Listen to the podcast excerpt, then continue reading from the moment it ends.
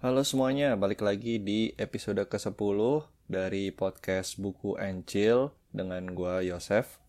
Podcast Buku and Chill untuk yang baru pertama kali dengar adalah sebuah podcast di mana gua akan membahas berbagai macam buku non-fiksi dan spesial untuk episode ke-10, gua akan bahas sebuah buku biografi.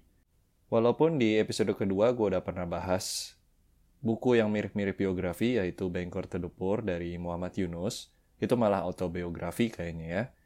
Di episode kali ini gue akan bahas sebuah buku yang benar-benar masuk ke genre biografi. Judulnya aja adalah nama dari orang yang dibahas di bukunya. Siapakah orang tersebut? Ya orang tersebut adalah salah satu orang paling kaya lah pokoknya di dunia ini. Kira-kira seperti apa bukunya dan bagaimana rekomendasi gue untuk buku biografi pertama ini Nantikan di segmen-segmen berikutnya ya.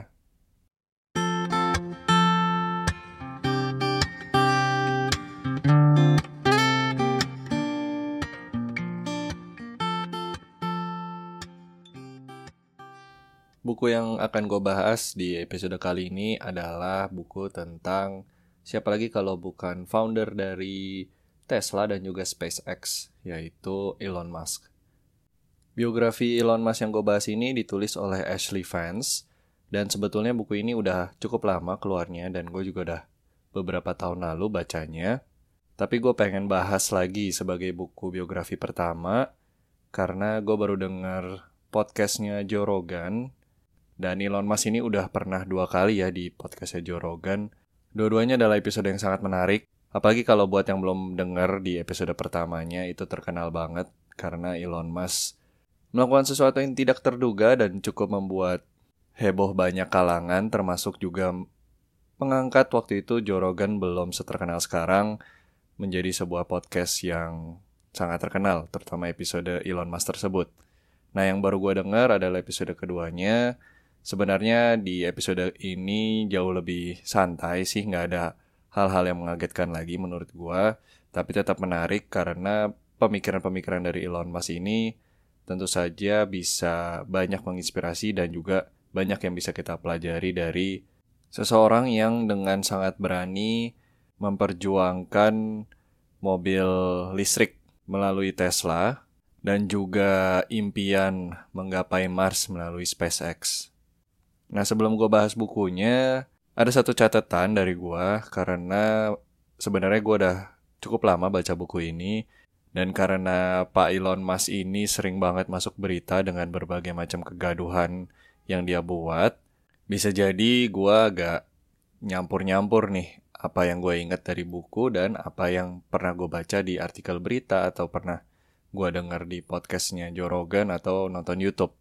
Tapi ya nggak apa-apa gue usahain semaksimal mungkin akan membahas apa yang ada di bukunya ya. Oke, langsung aja ke bahasan bukunya di segmen berikutnya.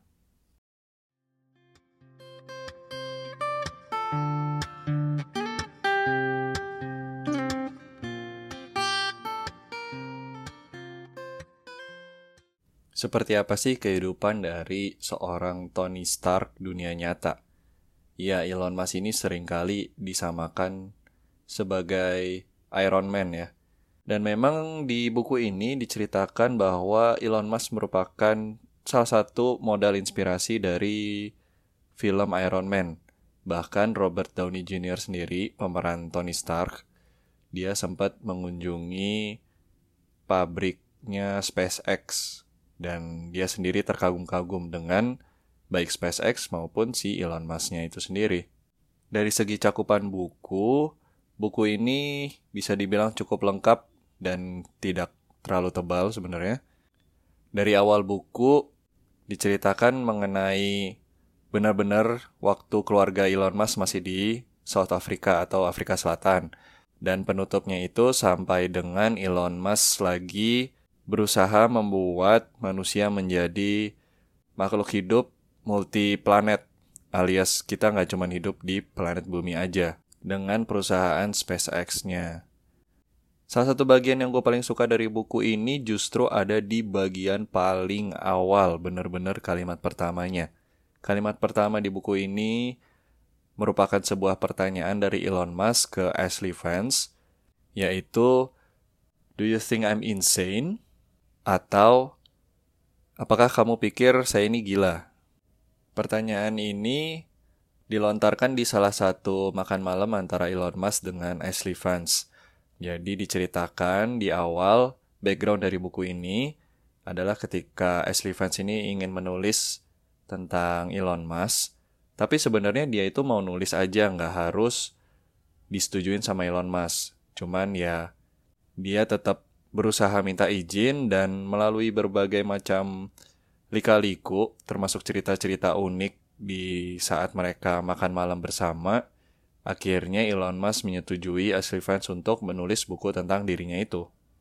Di buku ini memang ada nuansa seolah ingin menggambarkan Elon Musk ini sebagai seorang individu yang agak aneh sebetulnya, melalui pemikiran-pemikirannya dan dia ini sudah punya bekal entrepreneurship sejak kecil. Jadi diceritakan bagaimana waktu kecil dia sempat bikin dan menjual sebuah game. Kemudian ada juga cerita yang inspiratif banget waktu Elon Musk dan Kimball, yaitu saudara laki-lakinya baru pindah ke Kanada. Mereka itu rajin membaca koran.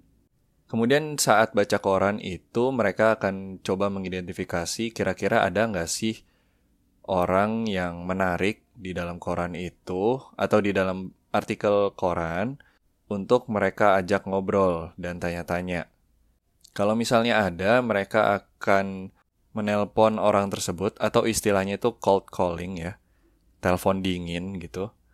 Dan tanpa rasa malu ya coba aja mencari jadwal kapan orang itu bisa makan siang sama mereka dan itu pun kalau mau ya Begitu juga dengan cerita startup pertamanya Elon Musk yang namanya Zip2. Startup ini kurang lebih kayak Yellow Pages-nya zaman dulu ya. Dan dari Zip2 inilah domino startupnya Elon Musk itu mulai mengalir dari satu startup ke startup berikutnya. Jadi secara umum dari Zip2 dia masuk ke X.com dan X.com ini akhirnya merger dan jadi satu dengan PayPal. Kemudian dari PayPal dia tiba-tiba menjadi sangat kaya raya sekali.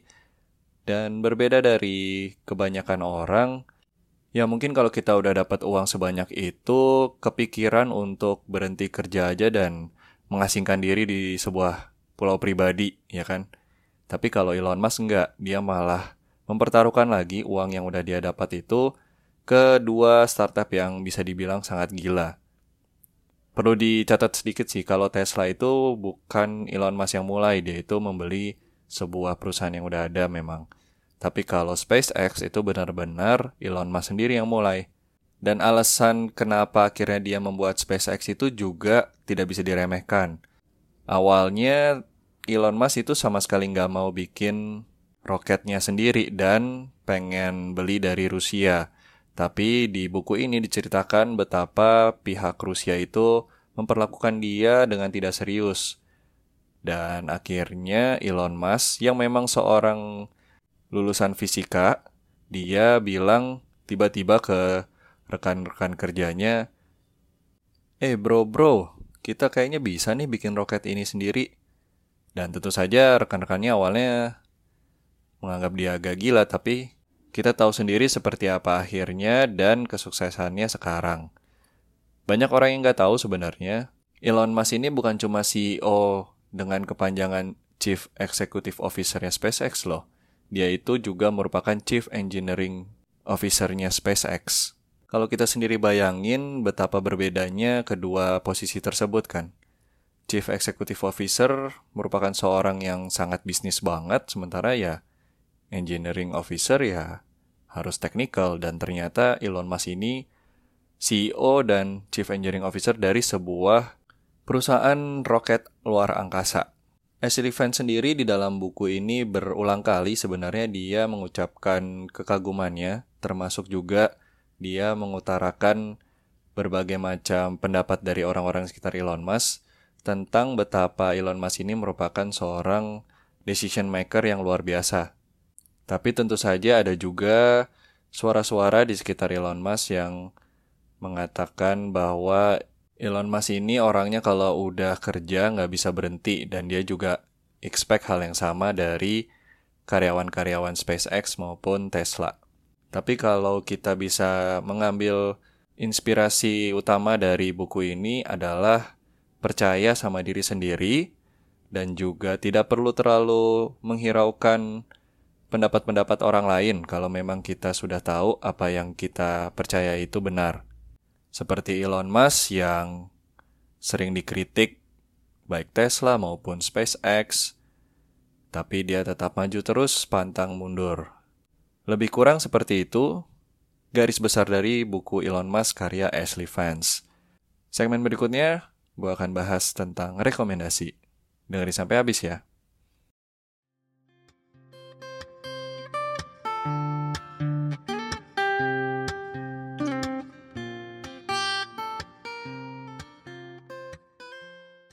Buku ini secara umum ya terasa seperti cemilan ringan aja, tapi enaknya adalah kalau memang kita ingin tahu tentang kehidupan Elon Musk yang tentu saja merupakan salah satu orang yang paling menarik ya dari segi entrepreneurship maupun teknologi.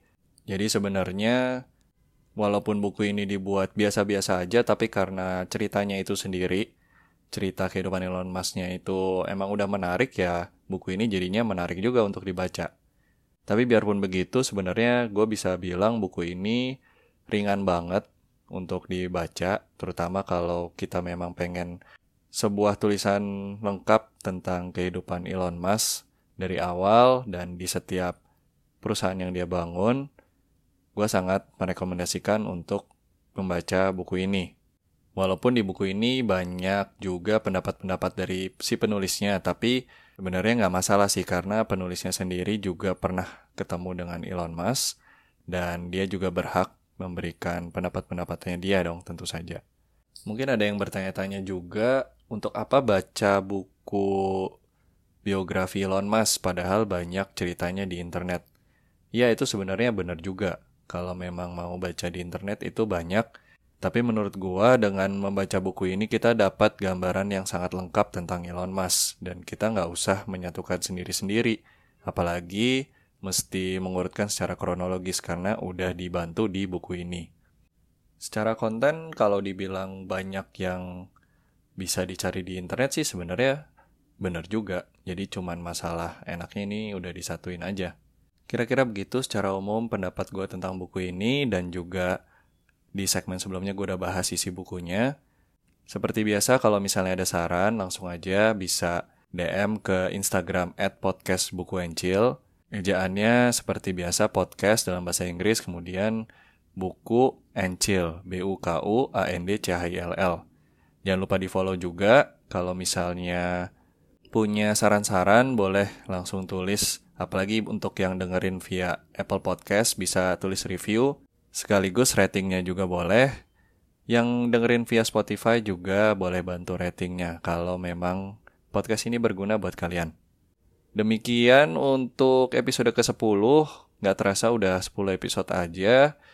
Kita ketemu lagi minggu depan. Rencananya gue akan kembali membahas langsung dua buku sekaligus. Dan pembahasan minggu depan ini adalah pesanan dari seorang pendengar jadi jangan lupa dengerin lagi minggu depan di tempat yang sama di podcast Buku and Chill.